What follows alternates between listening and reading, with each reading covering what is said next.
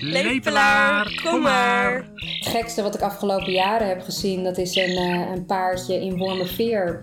Die daar gewoon in een, een woonwijk, in een straat broeden.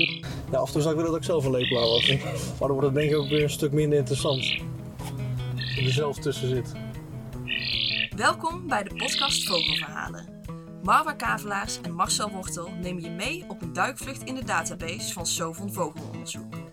Hey, hallo, daar ben ik weer. Hey Marwa, hey, moet je luisteren. Ik lees net iets heel boeiends over de vogel van deze keer. Oh, wat dan? Vertel. Nou, we hebben het de vorige keer natuurlijk gehad over de oehoe en de raaf. Hè, en die nemen de laatste jaren heel erg in aantallen toe. En dat geldt dus ook voor de vogel van deze keer, namelijk de lepelaar. Ah ja, die ken ik wel. Die zie ik bij Amsterdam ook wel redelijk vaak in de buurt. Ja, nou dat is dus precies het, uh, het boeiende eraan. Want tegenwoordig broeden lepelaars steeds meer in de buurt van grote steden. Hij rukt echt op richting de Randstad. Uh, in, in, de jaren 70 van de vorige eeuw had je misschien, nou, misschien net 300 paren in Nederland. Maar nu zijn het er al 3.500. Dus dat is meer dan tien keer zoveel. Zo.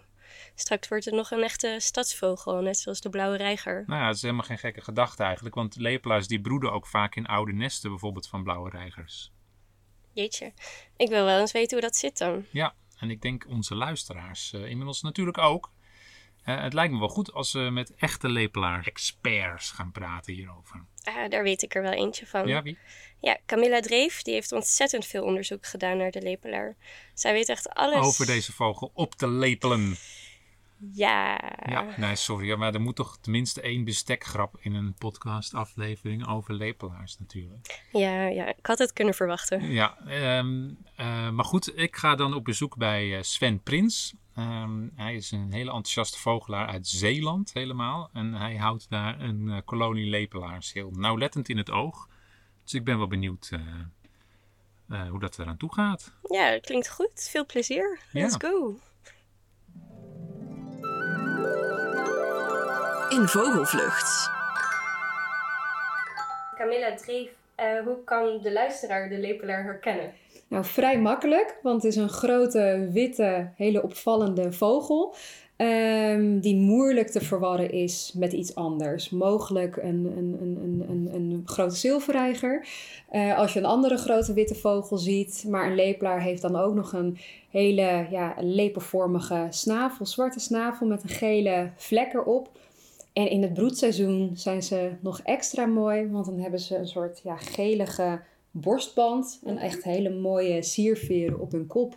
Ja. Dus ja, het zijn uh, gewoon hele mooie vogels. Ja, ja, het zijn prachtig. En die, die snavel, die hebben ze natuurlijk niet voor niks. Is er een speciale fourageerstrategie die ze hebben? Ja, ja dus wat lepelaars uh, doen is dat die uh, snavel is heel gevoelig van binnen. En als je een lepelaar ziet fourageren, zal je zien dat hij met zijn snavel ja, eigenlijk half open door het water heen en weer uh, gaat zwiepen. Uh, en net zo lang totdat ze dus voelen, ze kunnen dus ook in het donker fourageren. Ja. Net zo lang totdat ze voelen dat er een visje of een, een rivierkreefje, noem het maar op, ertussen zit. En dan gooien ze het uh, naar achter in hun keel. Maar ze kunnen ook um, ja, echt wat meer ook porren in de, in de modder. Dat zie je misschien iets minder vaak. Maar ja, ze, hebben, ze, ze zijn in ieder geval totaal afhankelijk van, van die snavel. Die hele gevoelige snavel. Maar zijn de lepelaars eigenlijk het hele jaar hier te vinden in Nederland? Of trekken ze ook weg? Lepelaars zijn uh, echt trekvogels, maar we hebben langzamerhand ook wel steeds meer individuen die hier overwinteren. Oh. Maar de meeste lepelaars uh, die trekken uh, ver uit naar West-Afrika, overwinteren in, in Mauritanië, Marokko. dus laten we zeggen dat twee derde van de Nederlandse lepelaars naar West-Afrika gaat. En dat een derde in Zuid-Europa overwintert, dus in Spanje en in, en in Portugal, ook wel deels in Frankrijk. Ja, en in Nederland bijna niet. Maar we hebben steeds meer uh, uh, vaak jonge beesten die dan blijven hangen. Um, het is een relatief nieuw fenomeen. Ja, ja dus ze, ze passen zich in die zin uh, wel enigszins aan. Alleen is het natuurlijk risicovol. Kijk, met de zachte winters kan een lepelaar prima nog in de winter voedsel zoeken. Mm-hmm. Maar zodra er vorst is en alles vriest dicht, ja, dan kan een lepelaar geen voedsel meer zoeken. En dan is het dus einde verhaal. Um, dus ja, hoe snel ja. dat zich gaat ontwikkelen, hoeveel. Maar er, ja, er zijn in ieder geval wel meer overwinteraars. Maar het is vooral echt nog een trekvogel. Oké. Okay. En er zijn nu zo'n 3500 broedparen in Nederland. Dat is een stuk meer dan een aantal jaar geleden. Eh, hoe is die, waar, waar komt die stijging vandaan? Ja, nee, dat is een hele goeie. We hebben ehm, sinds dat er wordt geteld, ergens jaren 60, eh, ehm, hadden we nou op een gegeven moment dieptepunt was maar 68 met zo'n 150 paardjes. Dus het was echt, echt heel kritisch. We hadden ook allemaal beschermingsplannen voor lepelaars. Het was echt van, we moeten die lepelaar uh, beschermen. Nou ja, en dat had toen de tijd vooral met uh, bestrijdingsmiddelen te, te, maken. Dus DDT. We hebben heel veel vogelsoorten last van gehad. En nou ja, op een gegeven moment is daar een verbod op gekomen. Maar ook deels um, ja, betere inrichting van gebieden. Er is heel veel ingezet dat er um, plekken zouden zijn met meer stekelbaarsjes. Belangrijke voedselbron voor lepelaars. Uh, je had eigenlijk in het begin, jaren 60, ja, gewoon een paar grote kolonies, waaronder het Zwanenwater, naar de Meer op Texel. En het lijkt erop dat die lepelaars ook gewoon andere keuzes hebben gemaakt. Dus op het moment dat bij het naar de meer, uh, mede door verdroging en de vos, zwanenwater ook door de vos, ze broeden daar allemaal op de grond. Oh, ja. Dus op het moment dat vossen daar kunnen komen, ja, hebben die lepelaars geen schijn van kans. Nee. Um, en zijn ze dus gaan, gaan verplaatsen, andere plekken gaan zoeken. En eigenlijk zijn al die uh, kolonies langzamerhand op de Waddeneilanden zijn steeds meer gaan uitbreiden. Dus je had naar mhm. Texel, Terschelling, nou ja, langzamerhand de andere Waddeneilanden. Maar ook in het deltagebied. In uh, 89 kwam dan het kwakjeswater erbij. Ja. Dus ze zijn allemaal plekken op gaan zoeken waar ze veilig konden broeden uh, zonder vossen. Want op de Waddeneilanden zijn geen vossen. Ze zijn ook in, in bomen gaan broeden of boven water, in struiken. Op allemaal, ze zich echt helemaal aan, aan ja, tegen de degradatie. Dus. Ja, dus steeds meer uh, ja, verschillende plekken. Dus een combinatie van uiteindelijk ja, dat, dat, dat verbod uh, op uh, bestrijdingsmiddelen, maar dus ook andere keuzes die ze hebben gemaakt. rustgebieden waar ze terecht konden. Um, nou, waarschijnlijk ook misschien deels betere voedselgebieden. Mhm. um, dat ze enorm zijn gaan toenemen. En vanaf de jaren tachtig, denk ik ongeveer, kwam er echt een flinke versnelling in. En op een gegeven moment was wel een beetje het vermoeden van... hé, hey, lijkt het nou af te zwakken? Maar we mhm. zien dat het gewoon nog steeds aan het stijgen is. Dus uh, terwijl ook bij de lepelaar gezegd zou kunnen worden dat... Kijk, je referentiekader verandert natuurlijk steeds. Dus wij gaan uit van, oh, die 150 paardjes in de jaren 60 en nu hebben we er een paar duizend. Dus dat gaat heel goed. Ja. Gaat ook heel goed. Maar waarschijnlijk als je teruggaat naar het verleden en hoe, hoe nat Nederland was. En die had allemaal van die grote uh, reigerbossen en uh, waar dus ook, ook allemaal lepelaars zaten. Ja, dat zijn allemaal plekken die door verdroging, ja. inpoldering zijn verdwenen. Dus waarschijnlijk was Nederland nog vele malen rijker aan lepelaars. Nou, laten we hopen dat ze dan nog meer toenemen. Precies. en, maar, en met die toename komt dus ook dat ze op steeds ja, raardere plekken gaan zitten, neem ik aan. Ja. Want ze zoeken het randje op misschien. Steeds nieuwe Maar je ziet dat er steeds uh, um, meer kolonies komen. Dus waar je eerst gewoon een paar grote kolonies uh, had, hebben we nu, nou even uit mijn voor mij, iets van 40 uh, kolonies. Sommige worden ze dan, zijn dan op een gegeven moment weer dat ze het verlaten. Andere komen er weer bij. Ja, en het zijn hele uh, diverse plekken. En met name als je dan, uh, ja, ik woon zelf in Amsterdam, dus ik vind het dan leuk ook om te kijken wat er, wat er hier gebeurt. Ja, en dan hebben we op een gegeven moment een, een paardje gehad wat dan in het Slotenpark uh, broedde. Wel eens, ja. was er ook op een gegeven moment een muziekfestival. nou ja, dat zijn natuurlijk allemaal een beetje lastige, lastige situaties. Het gekste wat ik afgelopen jaren heb gezien, dat is een, een paardje in Wormerveer. Die daar gewoon in een een woonwijk in een straat broeden. Wel in, de, buurt. Ja, wel in de buurt van een, een reigerkolonie. Want wat lepelaars heel graag doen, is dat ze aansluiten bij een, een bestaande kolonie. Okay. Dus ik, als ik in Amsterdam ook door de parken loop waarvan ik weet er zit een blauwe reigerkolonie, oh, ga ik altijd even kijken van hier ga ik een keer een lepelaar ontdekken. Maar tot zover is nog niet gelukt. En dat, dat is dan heel bijzonder. En dan zie je dus wel dat dat helemaal niet een voor de hand liggende broedplek is, maar het is wel veilig. En die hele polder daaromheen, dat is gewoon een heel belangrijk voedselgebied voor heel veel lepelaars. Dus um, ja, ze zijn eigenlijk gewoon alsof je in de supermarkt uh, je kinderen groot brengt, zeg maar. Ja, nou, op zich ideaal dan. Dus Mhm. dat zouden we wel meer kunnen gaan verwachten. Nou ja, het, het zou kunnen. En tegelijkertijd zijn het ook wel, ja, ook wel weer schuwe vogels. Maar ja, dat, dat doen ze dan dus wel weer. Dus ze kunnen wel eh, blijkbaar een, ja, een soort inschatting maken van dit is veilig.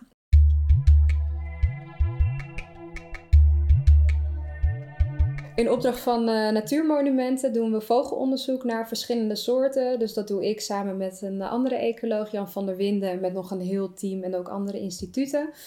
Ehm, en het idee is dat Nationaal Park Nieuwland eh, is een heel nieuw nationaal park. Dus eh, dat zijn Markerwadden, Oostvaardersplassen, Lepelaarplassen, een deel van het open water van het Markermeer. Ehm, ja, nieuw land, omdat het allemaal ja, toch door, de, door de mens gemaakt is. Ja. En eh, de vraag is een beetje, ehm, hoe ehm, gebruiken de vogels dat landschap? Je bent dan heel erg geneigd om alleen maar naar één gebiedje te kijken. Maar het is juist ook heel erg interessant hoe pendelen vogels eventueel Ja. heen en weer. Dus toen wij de eerste jaren naar Markerwadden eh aan het varen waren, ehm, zag je af en toe groetjes, groepen kluten heen en weer vliegen. En je zag lepelaars heen en weer vliegen. Ja, en dan wil je natuurlijk weten waar ze naartoe gaan. En dan weet je, wil je dus weten hoe dat zit. Dus we zijn een eh, zenderproject gestart naar visdieven, naar lepelaars en naar kluten. Mhm. En, ehm, en de lepelaars broeden dus nog niet. Wie weet in de toekomst op Markenwadden, maar wel in Lelystad.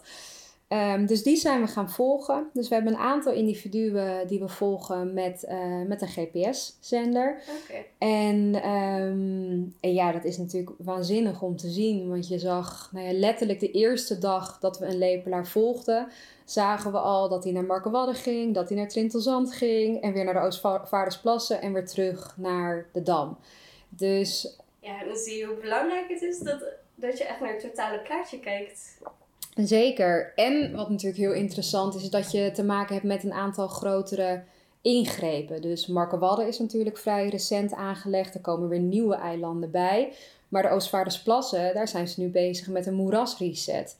En afgelopen zomer, na zomer, was dat zo'n ongelooflijke belangrijke plek als uh, zeg maar nazomerpleisterplaats voor lepelaars. Dus aan het einde van het zomer heb ik daar gewoon groepen van 800 tot 1000 lepelaars samen zien fourageren. Zo. En dat ik dacht, ja, weet je, ik heb dat gewoon echt nog niet eerder in, in Nederland gezien. En dat is dan zo bijzonder. En dan zie je dan vervolgens ook die zendervogel bij met zijn jongen. Oh, ja, dat is natuurlijk gewoon super gaaf om, uh, om te zien. Dus, um, dus het idee is om nou ja, die verbinding tussen die gebieden in, in beeld te brengen. Is daar nou ook een bepaald pa patroon in te vinden. Um, maar ook kunnen we het aan, het aan het voedsel linken. Dus we zien bijvoorbeeld op Markenwadden dat ze steeds bij een bepaald plekje, eigenlijk gewoon één plekje waar, ze, waar een van die lepelaars de hele tijd naartoe ging. Mhm. Nou, dan hebben we weer Wageningen Marine Research die dan weer op zo'n plek gaat vissen. Van oké, Oké. okay, wat vinden we dan op zo'n plek? Wat is dan een belangrijke voedselbron voor die lepelaars? Ja. En wat ik persoonlijk heel erg leuk vind, is dat veel van het lepelaaronderzoek tot, tot dusver heel erg gericht is op het, het zoute milieu. Dus Ja. eh, de Waddenzee, Deltagebied. Maar dat er steeds meer kolonies op het vasteland komen. Ja. En, ehm, en het lijkt er ook wel op dat mogelijk die kolonies het ook wel beter doen. Dus dat ze meer Oh. jongen eh, grootbrengen. En hoe, hoe gaat, dat, gaat je onderzoek precies in zijn werk als je, als je dus wel het veld ingaat? Het is vrij lastig werken in de kolonie, ehm, omdat ze dus op een eh, stenen dam broeden. Ehm, ja, moet je eigenlijk Eerst over allemaal. Je moet eerst naar de dam komen met een bootje. Ja, het is ook nog een drukke vaargul. Dus je, wil daar, je moet daar wel voorzichtig zijn. Eh, het kan niet met te veel wind. Eh, is waarschijnlijk een klein bootje. klein bootje, dus eh, reddingsvesten aan. En ja, heel voorzichtig zijn. En dus inderdaad met, met weinig wind kan je daar dan naartoe gaan. Ehm, maar ja, het zijn dus allemaal stenen. Dus het is heel voorzichtig lopen. Dus ik moet een soort mijn innerlijke bergheid, zeg ik altijd, maar een soort van tot me laten komen. Want dat is, eh, het is behoorlijk uitdagend. En je wil er natuurlijk zo kort mogelijk eh, eh, zijn. Dus je wil snel werken, maar wil, je wil ook niet je been breken. Nee. Dus dat is een beetje een, een balans zoeken. Maar, eh, maar het gaat, gaat heel goed. Het was, eh, vorig jaar hadden we het eerste jaar, was het echt nog even je, je draai vinden van hoe kunnen we het meest efficiënt werken. Nu Ja, nu, routine, ja, nu gaat het heel, eh, heel goed. En, ehm, en het leuke is eigenlijk ook vooral... Kijk, in, in de kolonie zelf zijn we vooral bezig om het... eh, eh, naast de lepelaars te zenderen om het, eh, om het broedsucces te bepalen. Dus wat we ook gewoon heel vaak doen, is dat we het anker uitgooien. En dat je gewoon een uur aan het kijken bent naar die nesten. Om gewoon te noteren van een bepaalde steekproef. Wat je nou ziet aan, eh, aan kuikens. En Dus heel veel. Blijven, ze, blijven die kuikens bij het nest? Dat je ook kan zien van nou, dit paar heeft drie kuikens grootgebracht? Of is het meer koloniebreed? Eh, het, nou, nee, we, je, kan, je kan de nesten individueel volgen. ehm, maar eh, het is wel zo dat ze gaan op een gegeven moment wel klauteren. Ja. En als ze echt groot worden, dan gaan ze gewoon de hele tijd achter de ouders aan omdat ze eten willen hebben. En dan zijn lepelaarjongen echt onvermoeibaar. Want die gaan alleen maar bedelen, bedelen met kopje, op, kopjes op en neer. Net zolang totdat ze gevoerd worden. Maar tot op in ieder geval een niveau dat je wel zou kunnen zeggen... Nu gaan ze het wel halen. Je wil natuurlijk uiteindelijk weten hoeveel jongen worden er vliegvlug. Ja. En tot in ieder geval het niveau dat ze echt wel vrij groot zijn tegen vliegvlug aan, blijven ze wel een beetje in de buurt van het nest. Maar het gebeurt bijvoorbeeld wel dat je dan twee nesten hebt die naast elkaar zat, dat je daar een clubje jongen ziet. Ja, dan wordt het lastig. Ja, en dan is het meestal, wacht je gewoon een moment af dat ze gevoerd worden. Want dan kan je vaak zien, oké, die horen daarbij, check. Dan weet je in ieder geval dat paardje heeft zoveel jongen grootgebracht. Dus eh, tot zover gaat het eigenlijk heel, eh, heel goed. En wat we dan daarnaast doen, is dat je die zendervogels ook probeert op te zoeken in het veld. Oh. Ehm, ja, dus, dus aan Dus de ene kant... natuurlijk waar ze naartoe gaan. Ja, ja, dus dan is het echt van oké, nou ja, hij is nu, eh, ik heb bijvoorbeeld vorig jaar eh, was ik dan naar de kijkhut eh, de Zeearend gegaan bij de Oostvaardersplassen. Daar zaten toen niet alleen maar lepelaars van zeg maar Natuurmonumentenproject, maar ook, le- ook lepelaars van nog een project van het Niels en de Rijksuniversiteit Groningen. En ja, dan kon ik daar gewoon heel mooi kijken van, nou, dat is mijn lepelaar. Die heeft drie jongen gekregen. En eh, dat is eh, lepelaar Pipi. Oh, nou, die eh, probeert nu voor het eerst, dat was een jonge lepelaar, die probeerde voor het eerst zelf te fourageren. Oh, En ja, dat is gewoon heel waardevol. Want dan kan je dus ook op die plek gaan kijken wat ze aan prooiopnames doen. Dus dan ga je een lepelaar gewoon volgen. Ja. En eh, ja, je kan heel goed zien als ze een, een prooi hebben. en dat Dus, scoor je eh, dan ook. Ja, dan is het gewoon tellen. Oké, één visje, nog een visje. Of kan je ook zien welke prooi het is? Nou, meestal niet. Vaak is het klein. Mhm. Ehm, maar dat, eh, dat inderdaad noteren. Dus op die manier kan je ook ja, hopen uiteindelijk ook een beeld te kunnen krijgen van nou ja, de plekken waar ze dan fourageren. Ehm, hoe succesvol die plekken voor ze zijn. Het lastigste is wel dat ja, lepelaars ook grotendeels in de nacht fourageren. Ja, dat, dat, eh, dus het is af en toe wat, eh, wat behelpen. Maar eh, ja, je komt een heel eind. En ook gewoon, weet je, oprecht. ehm, kijk, je, je zou kunnen zeggen met zo'n zenderstudie van... Nou, alle gegevens komen wel binnen en nu is het gewoon lui achterover zitten. Maar je merkt juist dat het, het verhaal wat in je hoofd vormt... Weet je, als je gewoon buiten bent en je gaat kijken, observeren... Gewoon kijken wat er gebeurt... Dat is uiteindelijk waar, eh, waardoor dingen gaan klikken in je hoofd. Van oké, Ja, dit, is, dit is wat er gebeurt. Je moet wel Ja. weten wat er op die plek Ja, te doen is en wat je daar kan zien. ja. Ja. En hoeveel, hoeveel, ehm, hoeveel vogels hebben jullie gezenderd? We hebben er vorig jaar eh, vijf gezenderd. Twee volwassen vogels en drie jonge vogels.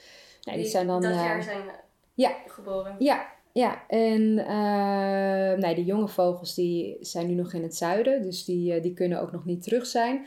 De twee Krijg je volwassen... die- Krijg je die data wel Ja. binnen? Ja. Oké, dus die Ja. komt echt gewoon live eh, Ja. binnen. Dus je weet precies waar die Je weet zitten. precies waar ze, waar ze zijn, behalve uiteraard ook weer de techniek dat ze natuurlijk ook weer net op plekken kunnen zijn waar eh, de batterij niet helemaal lekker laat als het slecht weer is. Nou ja, dat is nu niet helemaal het geval, maar ze kunnen ook gewoon buiten bereik zitten.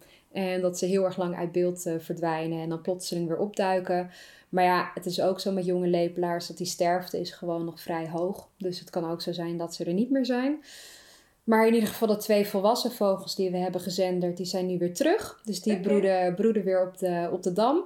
En dus die kunnen we wederom weer opnieuw volgen. En dan voor dit jaar hebben we er net nog eentje gezenderd. En er staat er nog één op de planning. Dus we hebben straks eh, vier volwassen lepelaars die we volgen. Oh, dan komen alle gegevens weer binnen. Ja, het is zo leuk. Nou ja, en het is toch het mooie dat deze zenders het vrij goed doen. En dat de, als een, een lepelaar eenmaal volwassen is, dan is hun eh, eh, ja, overlevingskans ook gewoon hoog.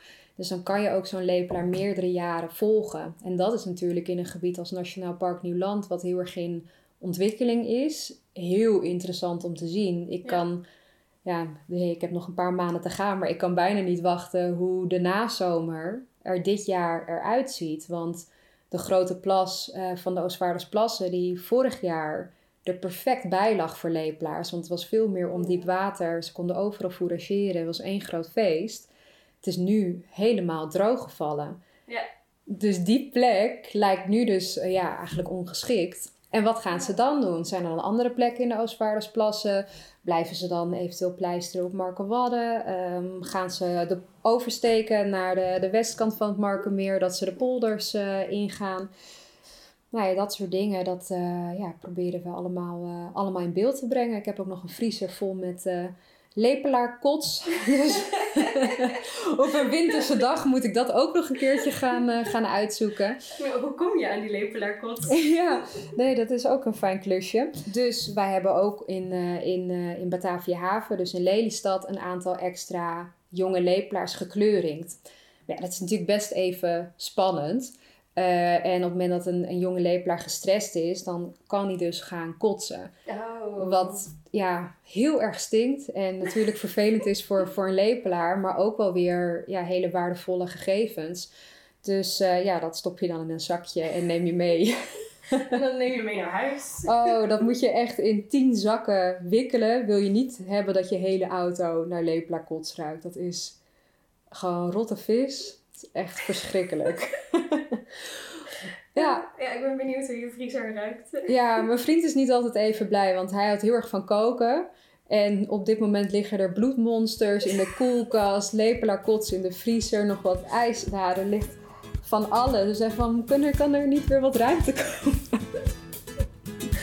Alles voor de wetenschap. Precies. Nou, ik ben inmiddels aangekomen in Zeeland, op Schouwen-Duiveland. En ik loop nu met Sven Prins langs de dijk, langs de Oosterschelde. En in de verte zien we de Zeelandbrug. Het is heel mooi eh, zonnig weer, rustig. Een paar bootjes op het water. Bevlogen vriend. En eh, waar gaan we naartoe, Sven? Ja, het is prima weer zoals je zegt, eh, gelukkig. Het, eh, het waait niet zo hard als de afgelopen weken. En we lopen nu inderdaad langs de Oosterschelde waar we bij een uh, lepelaar, lepelaarkolonie gaan kijken. Eh, met een broedpaar ongeveer rond de 25 tot 30. En het leuke aan die kolonie is dat er eh, afgelopen jaar drie Franse lepelaars gebroed hebben. Eentje eh, uit het Loire-Atlantiek gebied en twee uit de Camargue. Ja, dat is toch iets wat niet zo heel vaak voorkomt. Nee, hoe weet je dat ze daar vandaan komen dan? Die lepelaars die zijn gekleurd voor de populatieonderzoek. En die, En die, kunnen we die ringen straks zien ook? Die, kunnen, die kunnen we aflezen, ja. ja. Er zijn een aantal beesten aan het broeden zijn, dus die zitten dan op het nest, waardoor je ja, de poten niet kunt zien. Nee. En het is afgaand water, dus een hoop beesten zullen ook richting eh, ja, de Oosterschelde vertrekken. Daar gaan fourageren, dus het zal niet zo druk zijn als bij, eh, als bij hoogwater, maar hopelijk zitten er wel een eh, aantal lepelaars. Ganzen ook. Kijk hoor, daar gaan we een trapje op naar het uitzichtpunt. Ja, dan zullen we zien of we lepelaars te zien krijgen.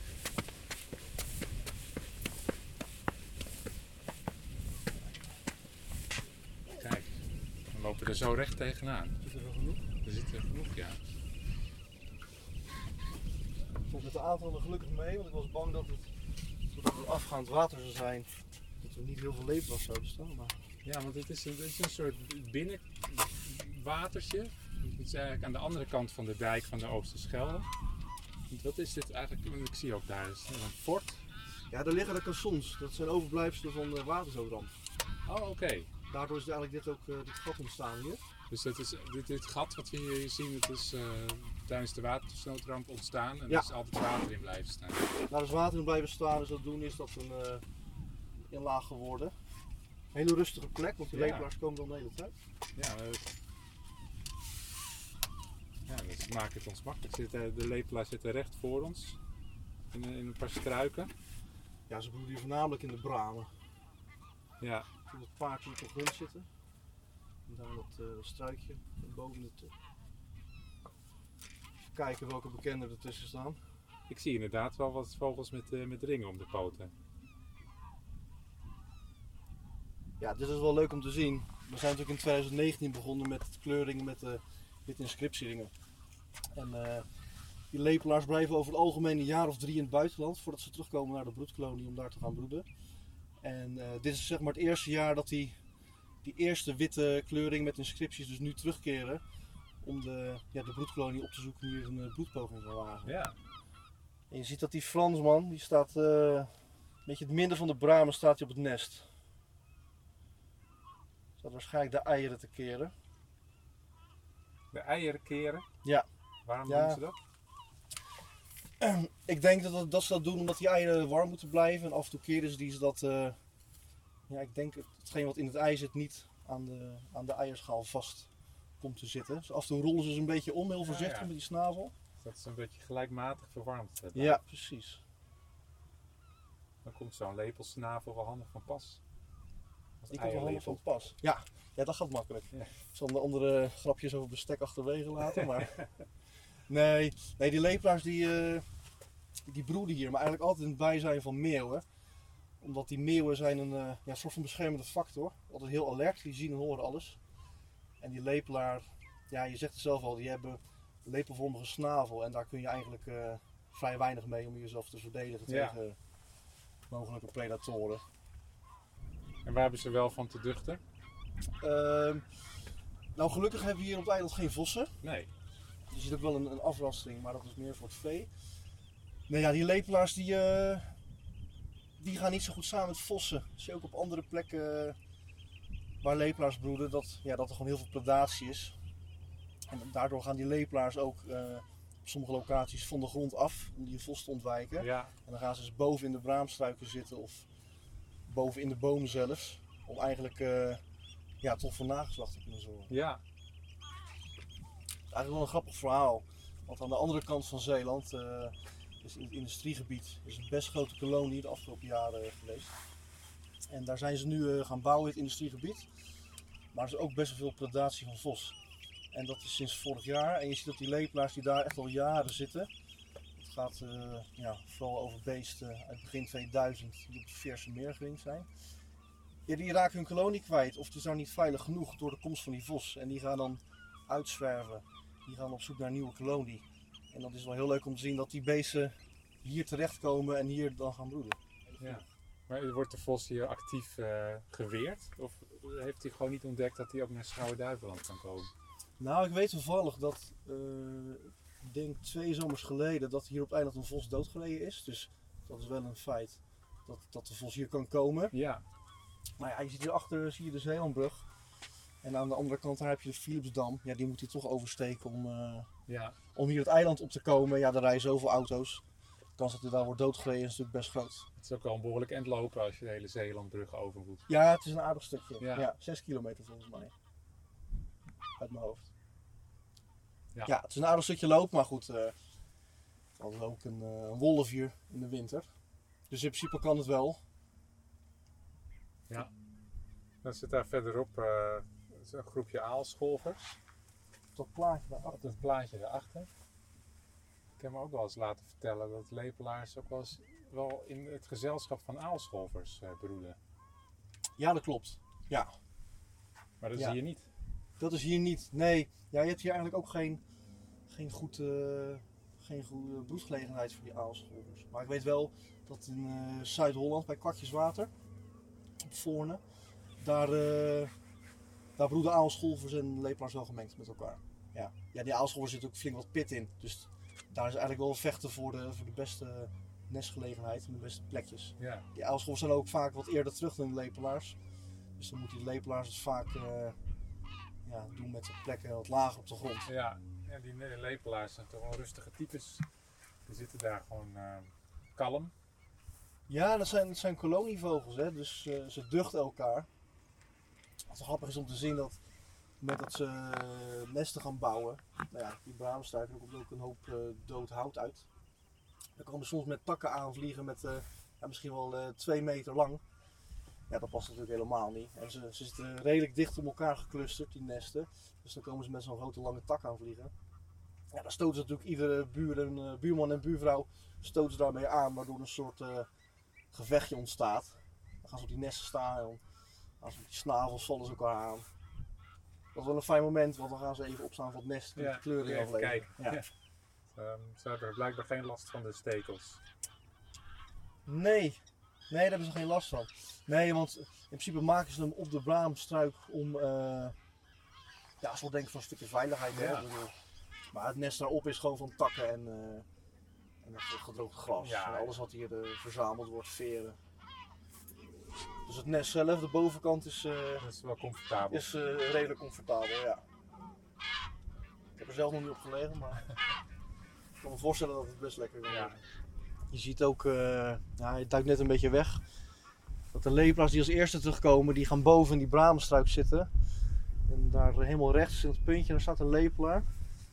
Maar iets links daarvan zit nu een lepelaar op de grond. Die is waarschijnlijk net begonnen met broeden. En dan zie je dat hoe later je terugkomt uit je overwinteringsgebied, dat de beste plekken al vergaan zijn. Ja, En dan moet je het eigenlijk doen met een plekje op de grond. Ja.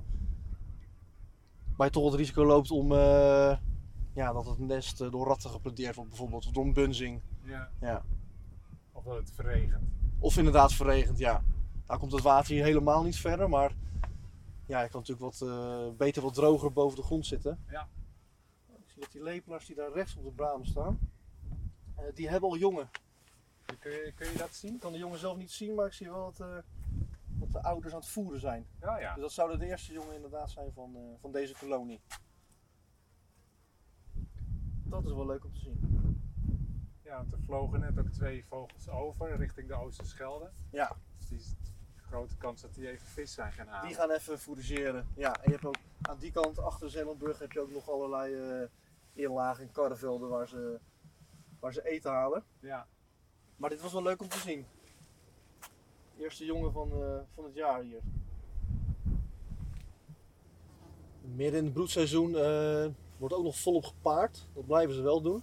Het voordeel daarvan is dat je dan eh, kunt vaststellen of, eh, of de geringde lepelaar een mannetje of een vrouwtje is. oh ja. Eigenlijk is dat van afstandje niet makkelijk te zien. En ook niet als ze geringd worden als jong. Nou, op de, op de wadden worden nog wel eens eh, bloedmonsters genomen. Ja, Waarmee ze dus inderdaad eh, kunnen achterhalen of het een mannetje of een vrouwtje betreft. Maar in de delta doen we dat, eh, doen we dat niet. Je wil natuurlijk niet te veel verstoren. nee. En dat ding dat duurt natuurlijk al... ja, je bent al gauw een klein uurtje bezig. En je probeert natuurlijk ook zo snel mogelijk die kolonie te verlaten. Dat alles weer rustig zijn gang kan gaan. Ja, Al hebben die lepelaars niet heel veel last van. Want als een kolonie binnenkomt, dan blijven de lepelaars soms eh, op een meter of dertig eh, van je af eh, staan te wachten tot je klaar bent. We hebben natuurlijk geen idee wat er, wat er gaande is. nee. En zodra je wegloopt, vliegen die lepelaars weer terug de kolonie en dan gaan ze op het nest zitten. Dan gaan ze weer broeden of, of voeren bij die jongen. Ja, vliegen er nu een aantal weg. Die gaan waarschijnlijk fourageren op de Oosterschelde. Gaan eten halen voor de jongen. Zie je vaak dat aan die kant valt het het eerst droog. Dus dan gaan ze vaak als eerst naartoe. En zeker als de jongen wat groter zijn en er is al meer eieren uitgekomen bij de rest van de, van de nesten. Dan is het vaak gewoon een af en aanvliegen van ouders die, eh, ja, die een jongen komen voeren. ja. De jongens steken dan snavel helemaal in de hals van die lepelaar. En die lepelaar die kotst dat uit. Maakt een heel trillend, ja, het is een beetje lastig te beschrijven, maar trillend, eh, trillende bedelroep van die jongen. ja. Ja, ontzettend gaaf om te horen. Als je heel goed luistert, het is moeilijk te horen, maar dan hoor je inderdaad wel al een bedelroep van die jonge lepelaars. Maar het verwaait een beetje door de wind. ja. En waar moet ik op letten? Hoe klinkt het? Ja, hoe klinkt het? Ja, het is een beetje lastig te beschrijven. Het is een, eh, ja, een, een, een- een chirpend, eh, trrr, trrr, een beetje een, een trillend geluid is het. Ja. Ja, Maar goed, zolang die ganzen er doorheen schreeuwen, dan eh, horen we het horen we het niet. Nee. Het zegt denk ik ook iets dat we nu zo weinig kleuringen zien. dat ik ook wel een beetje van uitga dat eh, de meest kleuringdragende lepelaars hier mannetjes zijn. Die mannetjes die, eh, die broeden overdag op het nest. Ja. En die vrouwen die broeden s'nachts. Dus die lepelaars hebben helemaal niet zoals andere vogels een, een dag- en nachtritme. Die wisselen elkaar echt af met broeden. Oké. Dus die mannen die zitten overdag op het nest. Dan eh, zijn de vrouwtjes vrij, zeg maar. Of zijn aan het fourageren. En uh, s'avonds, einde van de dag, dan zie je dat het, dat het omwisselt. En dan gaan de mannen s'nachts fourageren. De mannen gaan s'nachts fourageren, ja. En dan zijn die, eh, die vrouwen zijn dan daarna een soort, soort van vrij. En dan zie je dat die ook nog wel eens een tijdje willen wachten voor de wisseling van de wacht. Dat ze het uiteindelijk ook wel lekker vinden om even op zichzelf eh, Ja. even te chillen voordat ze weer die drukke kolonie ingaan. Hoe, hoe ben je eigenlijk ooit begonnen met eh, kijken naar lepelaars? kijken met lepelaars. Ehm, ja, dat is denk ik niet zozeer om de lepelaar zelf als vogel, maar ik weet nog dat ik een keer door de, door de polder reed en een geringde lepelaar tegenkwam. En die, ja, die kleuringen die vallen dan toch wel op. Ja. Dus eh, ik probeer toen een, paar foto's te maken met mijn eh, telefoon door de, door de scope heen. En dus een beetje gaan zoeken op internet eh, ja, wat er nou precies de bedoeling van is en waar zo'n lepelaar vandaan komt. En voorheen eh, wist ik helemaal niets van die kleuringonderzoeken. En dacht ik dat het een vogel zou zijn die dan uit een dierentuin kwam Ja, ja. of uit een privécollectie of zo. Dus een beetje op internet gaan zoeken naar lepelaars met kleuringen. En eh, contact gehad met mensen van, eh, van werkgroep Lepelaar. En eh, ja, dan blijkt dus dat zo'n lepelaar wordt gekleurd voor onderzoek. Dat je dan precies kan zien waar die vandaan komt en hoe oud hij is en waar die geringd is en welke kolonie. En eh, ja, dat, uiteindelijk is dat toch wel een beetje een soort verslaving geworden. En ga je op zoek naar meer geringde lepelaars. En Ja. ja. uiteindelijk kom je er steeds meer tegen en weet je een beetje de plekjes te vinden waar, de, waar sommige ook steeds dezelfde individuen terugkeren. Ja. En dan kun je niet meer terug. En dan is het echt te laat. Dan kun je niet meer terug. En dan eh, gaan er genoeg appjes en belletjes richting huis. eh, ik eet niet mee of ik ben eh, een paar uur later thuis. Ja. Ja. Wordt ook niet altijd op prijs gesteld, hoor, moet ik zeggen. Als we ergens heen moeten met de auto, dan ja, het zou zonde zijn om langs die plekken er voorbij te rijden, niet even te kijken. Dus nee, daar komt het eigenlijk een beetje vandaan. Ja. Ja. Ja, af en toe zou ik willen dat ik zelf een lepelaar was. Maar dan wordt het denk ik ook weer een stuk minder interessant. Als je er zelf tussen zit. Het gaat natuurlijk om de dingen eh, waar je achter moet komen, de dingen die je niet weet en waar je niet bij bent. Ja.